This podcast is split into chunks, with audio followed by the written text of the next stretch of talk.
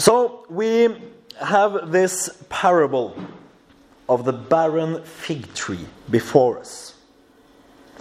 And I read it as a sad parable, eventually. No, in the, in the beginning, I mean.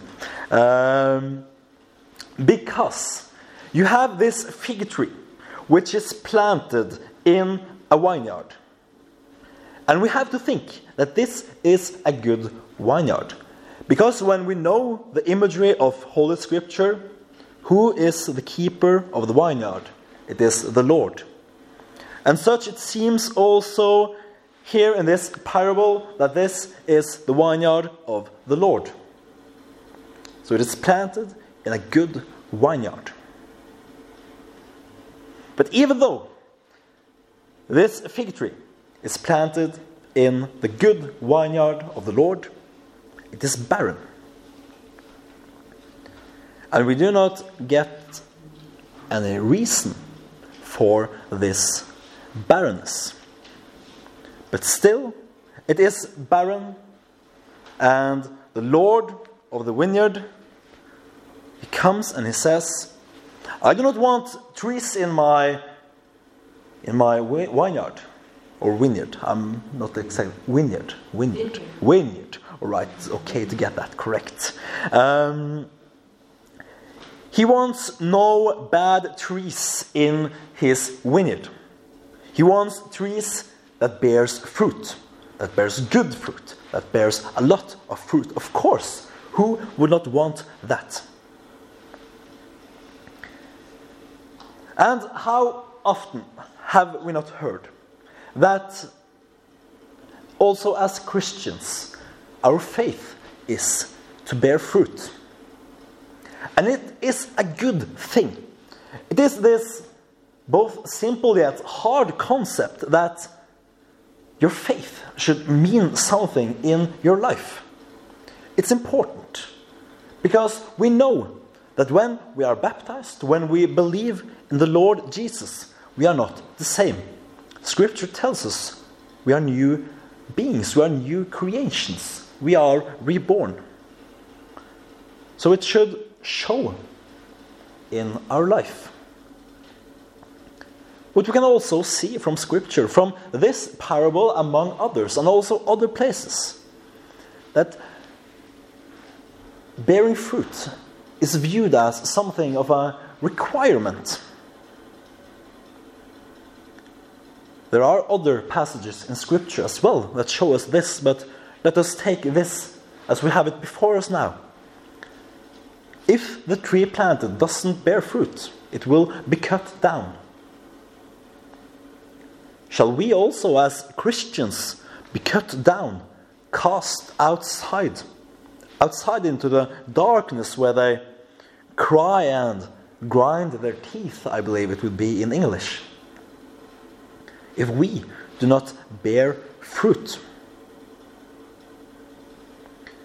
So, such this parable could serve to weigh us down. For how often, even though we know that we should bear fruit, how often do we struggle to see the fruit in our lives? How often do we rather see our sin, our shortcomings? And perhaps we think, I do not bear fruit.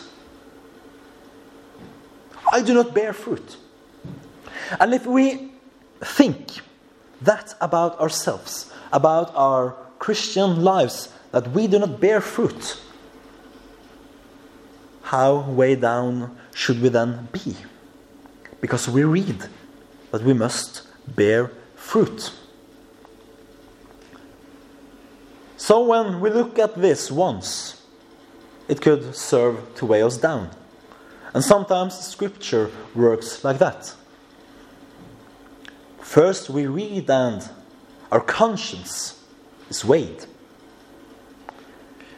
But then, just as often, I think we can find within almost the same passage comfort for our souls, for our consciousness, for our weariness. Because here in this vineyard, there is a man who says, okay, perhaps it hasn't bore any fruit yet. Perhaps it hasn't bore any fruit yet, but it will. Just give it time and it will bear fruit. I will tend it. I will work with it. And it will bear fruit. And I will not enter into the possible interpretations of this. It could be a pastor, it could be the ever working Word of God, it could be Jesus Himself. Says for us to God the Father, the keeper of the vineyard. Just give it time. Just give it another year.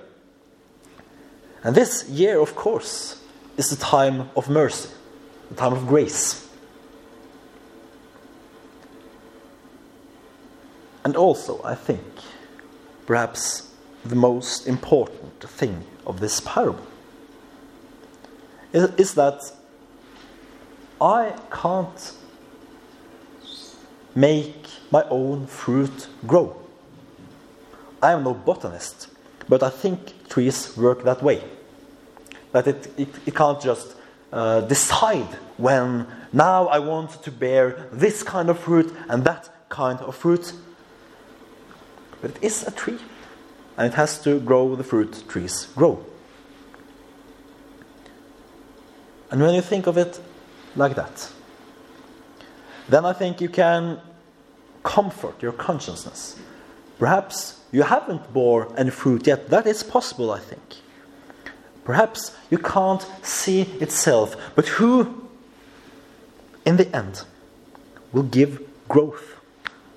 Who, in the end, will bear, make us bear fruit? Of course, it is God.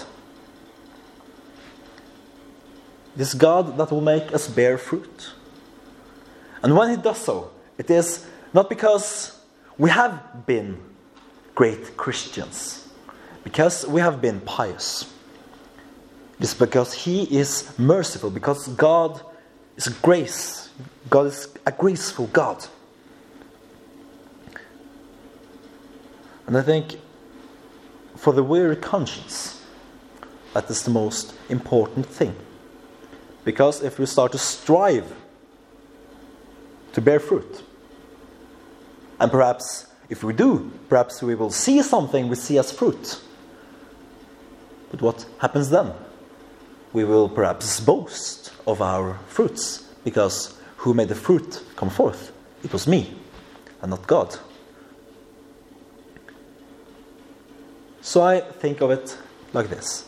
As I said, it is God who gives growth. God makes us bear fruit. And it's all by mercy and grace. And lastly, lastly, this time of grace. It should make us eager, I think, to do several things like encouraging each other and perhaps attempting to see and encourage the fruits of faith in others.